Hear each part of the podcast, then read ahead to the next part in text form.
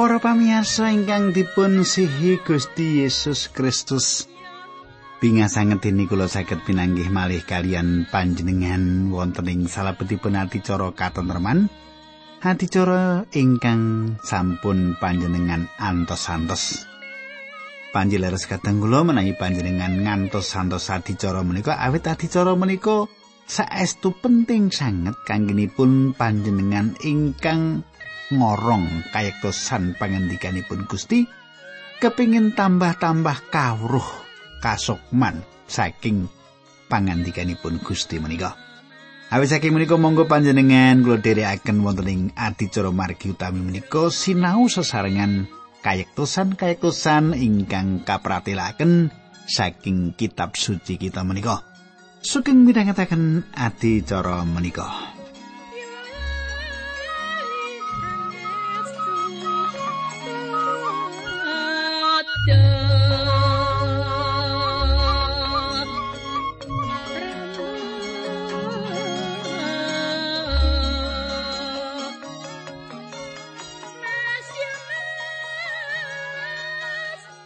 Kadang kula ingkang kula tresnani menapa panjenengan kemutan menapa ingkang kula aturaken duk nalika pepanggen kepengker menika?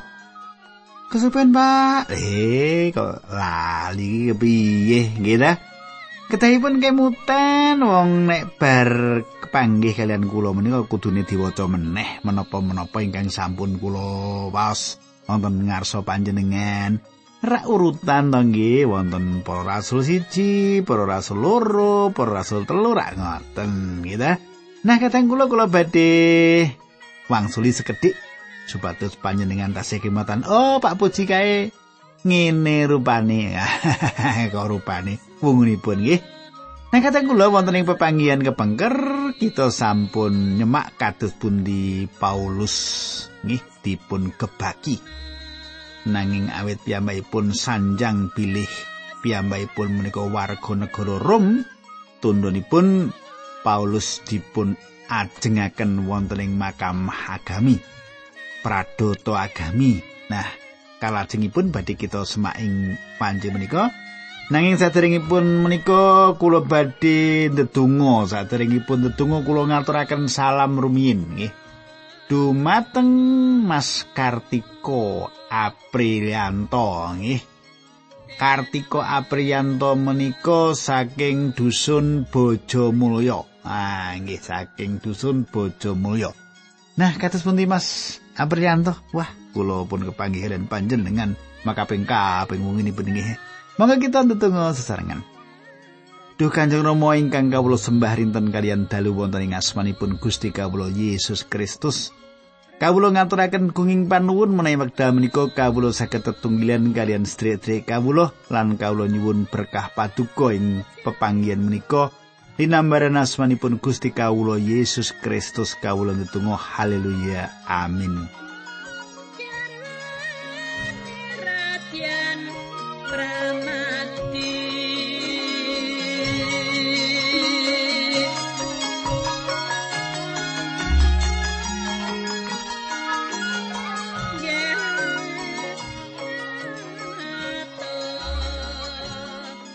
Para pamirsa ingkang kula tresnani, samenika pasinaon kita sampun lumebet ing kitab Para Rasul bab 13 nggih. Kitab Para Rasul bab 13 kula badhe masaken ayat setunggalan kalih ngangge basa pedinan kitab suci wedalan Lembaga Alkitab Indonesia. Rasul Paulus mandeng marang para warganing pradoto agami nuli muni mengkene. Para sederek kula sedaya, tumrap gesang kula kula saged ngaturi pirsa bilih dumugi dinten menika manah kula resik wonten ing ngarsanipun Gusti Allah. Dumadani mamagung Ananias ndawi wong-wong sing padha ing sacedhake Rasul Paulus supaya napuk tutuke. Kateng kula Paulus samenika wonten ing ngajengipun Sanhedrin, Imam Agung lan Pradata Agama wonten ing mriku. Imam Agung nindakaken patrap kasar dumateng Paulus piyambakipun boten ngidinaken Paulus ngedalaken tembung menapa-menapa ngantos piyambakipun siap mirengaken. Kula lajengaken ayat 3. Nuli dijawab dening Rasul Paulus Gusti Allah mesti badhe napuk panjenengan. Panjenengan menika tembok kelabur petak panjenengan lenggah wonten ing mriku badhe ngadili kula manut Toret nanging panjenengan piyambak aken tiang napuk kula menika nerak Toret mandek mriki riyen. Kadang kula wonten ing salebetipun paugeran Rom mboten wonten tiang ingkang dipun patrapi paukuman. Saderengipun wonten pranyatan saking pengadilan. Tiang ingkang dipun tahan lan dipun dakwa nindakaken satunggalipun piyawon. Mboten kenging tiang ingkang nahan menika nyiksa tiang ingkang dipun tahan menika ing jaman semanten paugeran Rom cekap nyukani keadilan nanging lumantar lampan menika lan pengadilan ingkang dipun tindakaken atas Gusti Yesus kita dados mangertos bilih paugeran Rom saged dipun salah ginaken lan saged dipun jungkir wali. Keadilan gumantung sinten ingkang nindakaken paugeran menika? Perkawis menika mboten nate ngrampungaken masalah kita ing jaman kepengker. Sederek kula. Menapa panjenengan mangertos menapa ingkang kita betahaken? Kita betahaken ewa-ewahan ing salebetipun manah manungsa. Manungsa ingkang betahaken ewa-ewahan sanes sistemipun. Imam Agung nyukani dawuh supados napuk tutukipun Paulus lan Paulus protes keras atas patrap menika. Menapa ingkang dipun tindakan Paulus menika nedahaken bilih Paulus sanes tiang ingkang ringkih. Pikiran bilih tiang ingkang lembah manah menika dados jirih babar pindah menika lepat. Saleresipun patrap lembah manah lan sabar sareh ateges panjenengan masrahaken badan panjenengan dumateng karsanipun Gusti Allah menapa kemawon resiku ingkang kedah panjenengan pikul. Paulus menika priyantun ingkang lembah manah lan sabar sareh nanging boten badhe ngejaraken patrap ingkang boten adil menika dipun ida-ida. Boten badhe ngejaraken patrap ingkang adil menika dipun ida-ida. Samenika kita lajengaken ayat sekawan. wong-wong sing ana ing sacedhake Rasul Paulus padha muni panjenengan nyenyamah dateng Imam Agungipun Pangeran. Kadang kula Paulus mboten mangertos bilih priyantun menika ingkang madeg Imam Agung saderengipun Paulus mertobat. Paulus dados tiang Farisi ing Yerusalem. Lampan ingkang dumados mbuktekaken bilih menika dados bukti menawi Paulus menika gadah penyakit meripat ingkang dados jalaran piyambakipun boten saged ningali cetha. Kula lajengaken ayat gangsal wangsulane Rasul Paulus nyuwun pangapunten para sederek kula kinten panjenenganipun menika sanes Imam Agung sebab kula ngertos bilih ing kitab suci wonten seratan kowe aja ngunek-unekake para pemimpinmu. Para sederek Paulus mangertos paugeran Torat piyambakipun mangertos saben peranganipun. Paulus mangertos bilih tiyang ingkang gadhah panguwaos kedah dipun ajeni. Inggih menika satunggalipun perkawis ingkang sampun kita supekaken ing jaman menika. Kita minangka jejeripun manungsa kedah ngajeni panguwaos satunggalipun pemimpin. Kula lajengaken ayat 6. Bareng Rasul Paulus pirsa yen sak peranganing warga pradata agama sing ana ing kono kuwi wong Saduki lan saperangan meneh wong-wong Farisi, Rasul Paulus banjur kondo marang pradata agama mengkene para sederek kula menika tiang Farisi. Mekaten ugi bapak kula inggih tiang Farisi, kula samenika dipun adili wonten ing mriki margi kula pitados bilih tiang pecah menika binjing katangeaken. Kula ndekaken prikirian nggih. Kadang kula kita tambah mangertos kegayutan kalian asal usulipun Paulus. Bapakipun ugi tiang Farisi, saged ugi tiang ingkang sugih lan gadah kaprabawan. Paulus ginakaken sling surup antawisipun kalih golongan kangge nglajengaken anggenipun mbilo badanipun. Ingkang dados masalah ing mriku inggih menika sanes wungunipun Gusti Yesus Kristus. Bab menika mboten dados masalah awit tiang-tiang Farisi pitados bab wungunipun tiang pecah lan gadah pengajeng-ajeng mriki. Kamangka tiang Saduki mboten pitados. Dados Paulus beto pengadilan menika dumateng landesan-landesan teologis antawisipun golongan fundamentalis lan golongan liberal. Perkawis menika gampil dipun tindakaken inggih kados makaten menika ingkang dipun tindakaken Paulus. Nah, kula lajengaken ayat pitu ngantos songo. Sanalika iku uga wong Farisi lan wong Saduki padha wiwit bebantahan nganti parepatan mau pisah dadi loro. Sebab wong-wong Saduki kuwi percaya yen wong mati ora bakal katangekake maneh. Semono yen malaikat lan roh kuwi ora ana nanging wong Farisi padha percaya marang telu-telune. Wong-wong mau padha pating brengo saya suwe saya seru.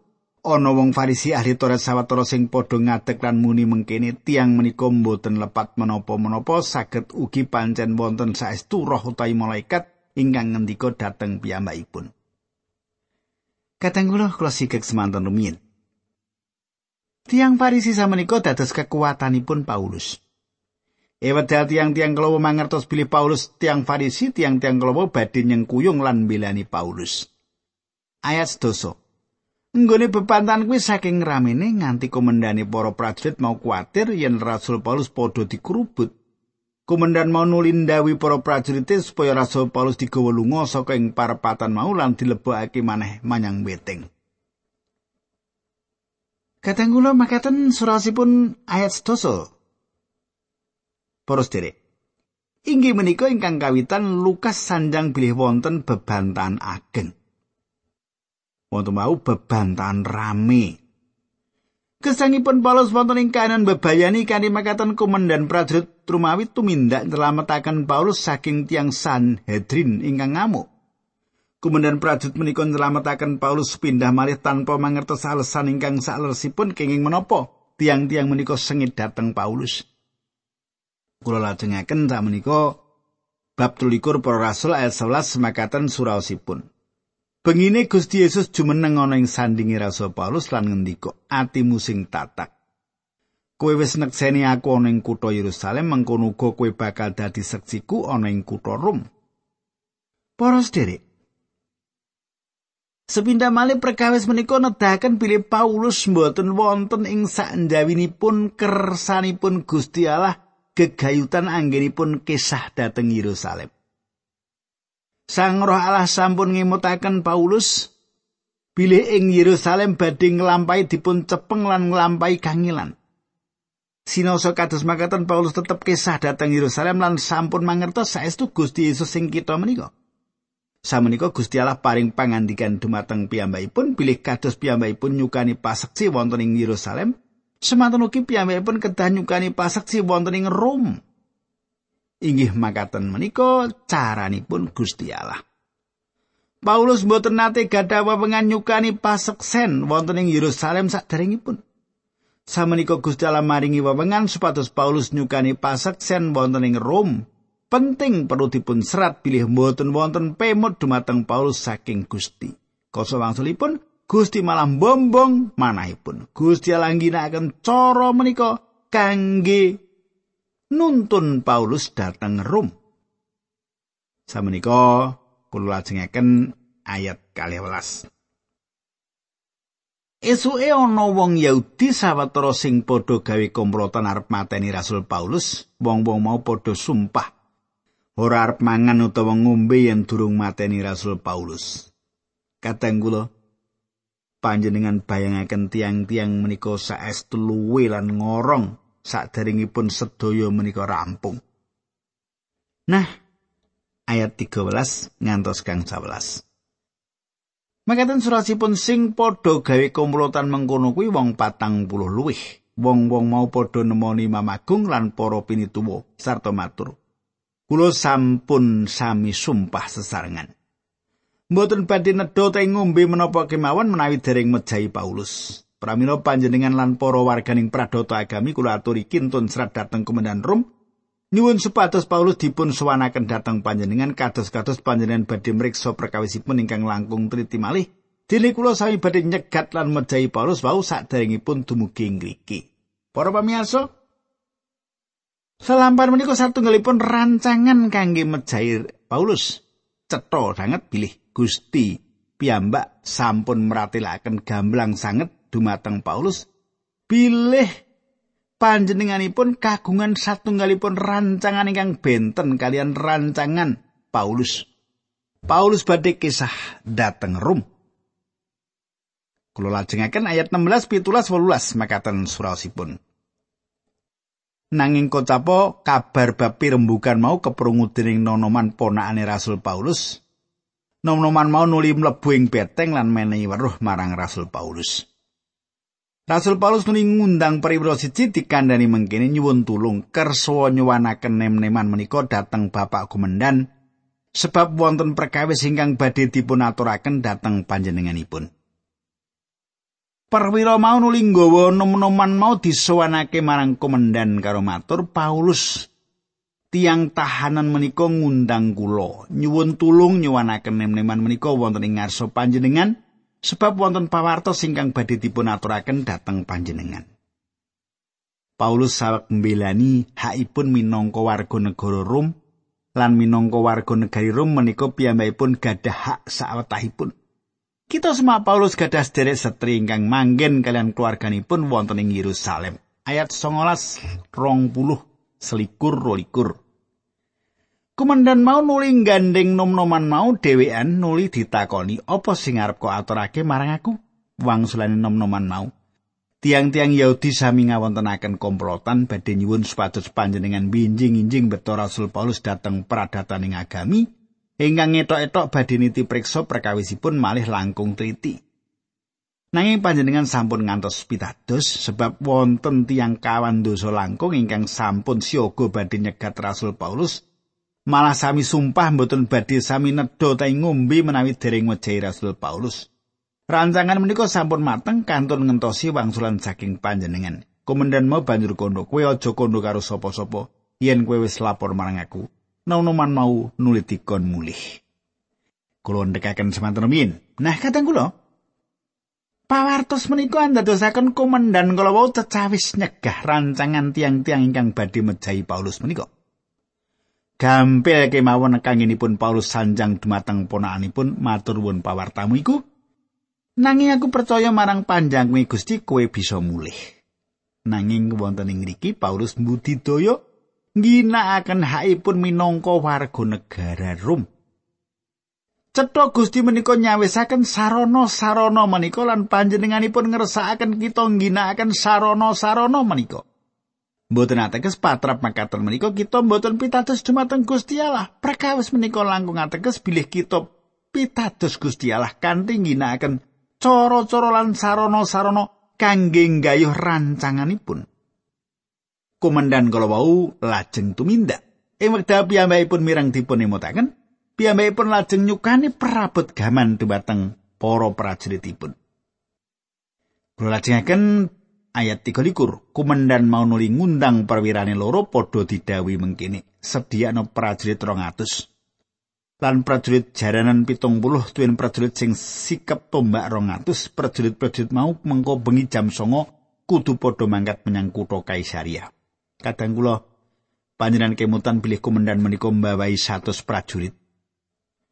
Ayat 24, sedia nogo jaran tunggangan sawetara kanggo Paulus, kue tanggung jawab bab keselamatane Paulus nganti tekan ngarsani gubernur Pilik. Kadang kula prajurit menika satunggalipun prajurit ingkang badhe ngawal Paulus ngantos dumugi ing Kaisaria. Menapa inggih kados makaten menika ingkang senebat tiang ingkang kumandel Gusti? Sampun tentu ingkang perintah ngawal menika komandan prajurit kala wau, nanging Paulus ingkang nyuwun pengayoman atas piyambakipun kados makaten menika. Sampun tentu Paulus anggenipun nindakaken kados makaten menika atas kersanipun Gusti Allah. Awit kahanan menika meratelaken kados menapa bebayanipun Paulus. Lan saestu bilih tiang Yahudi gada rancangan mejahi Paulus. Gusti Allah sawak ngutus Paulus dateng Kaisaria supados ngadep gubernur Felix para gubernur Romawi gadah beteng ageng wonten ing Kaisaria lan sok-sok kisah dateng Yerusalem Pilatus gadah beteng ageng wonten ing mriku Ayat selangkung sawise kuwi komandan mau banjur nulis layang katul marang gubernur Felix sing surasane mengkini Sinaoso Dr. Lukas saged ugi gadah serat aslinipun ing wekdal piyambakipun sanjang bilih serat menika isinipun kados makaten saged ugi menika ateges bilih piyambakipun namung medharaken welinganipun.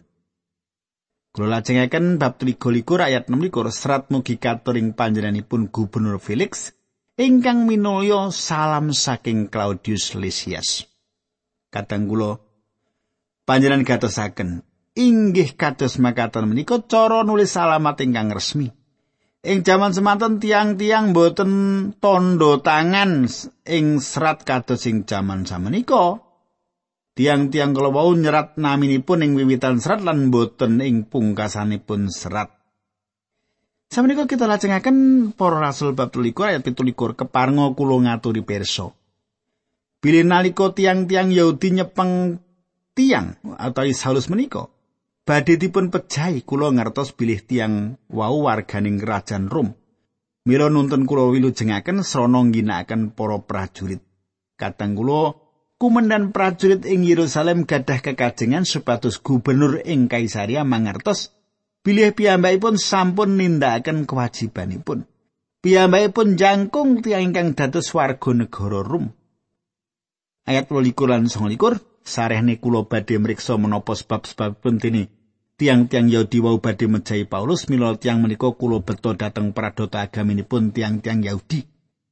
Kulo mangertos bilih pandhawanipun tiang-tiang wau magepokan kalian angger-anggeripun agami Yahudi, Paulus menika mboten nglampahi menapa-menapa ingkang pantes dipun patrapi paukuman pecah utawi dipun kunjoro. Kadang kula cetha ing mriki bilih Claudius Lysias mboten nate mangertos kanthi pas Paulus menika dipun dakwa menapa. Ingkang dipun mangertosi inggih menika perkawis menika wonten gegayutanipun kalian paugeranipun tiang-tiang kala wau. Inggih menika ke bawah paugerani Romawi, Paulus mboten lepat awit nindakaken satunggalipun perkawis ingkang pantes nampi paukuman pecah utawi paukuman pagunjanan. Mboten saged menika. Ayat tigang dosa ngantos tigang dosa gangsal. Sarang kula angsal pawartos bilih tiang-tiang Yahudi sami damel komplotan badhe mejahi piyambakipun.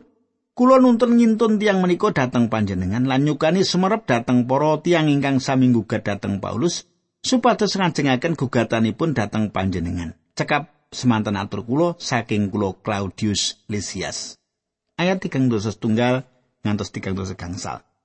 Para prajurit nuli nglakoni apa sing diperintahake lan bengi kuwi uga nggawa Rasul Paulus tekan kutha Antipatris.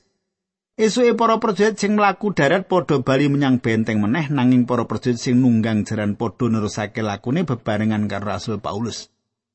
Satekane ing Kaisaria nuli masrahake Rasul Paulus marang gubernur bebarengan karo layang saka Claudius Lysias Komendani. Sawise gubernur maca layang mau nuli nakoni Rasul Paulus saka ngendi asale bareng weruh yen Paulus kuwi asale saka Kilikia. Gubernur mau nuli ngandika oleh ku arep mriksa perkaramu yen wong-wong sing gugat kowe wis padha teka. Gubernur nuli dawuh supaya Rasul Paulus ditahan ning kedatone Sang Prabu Herodes.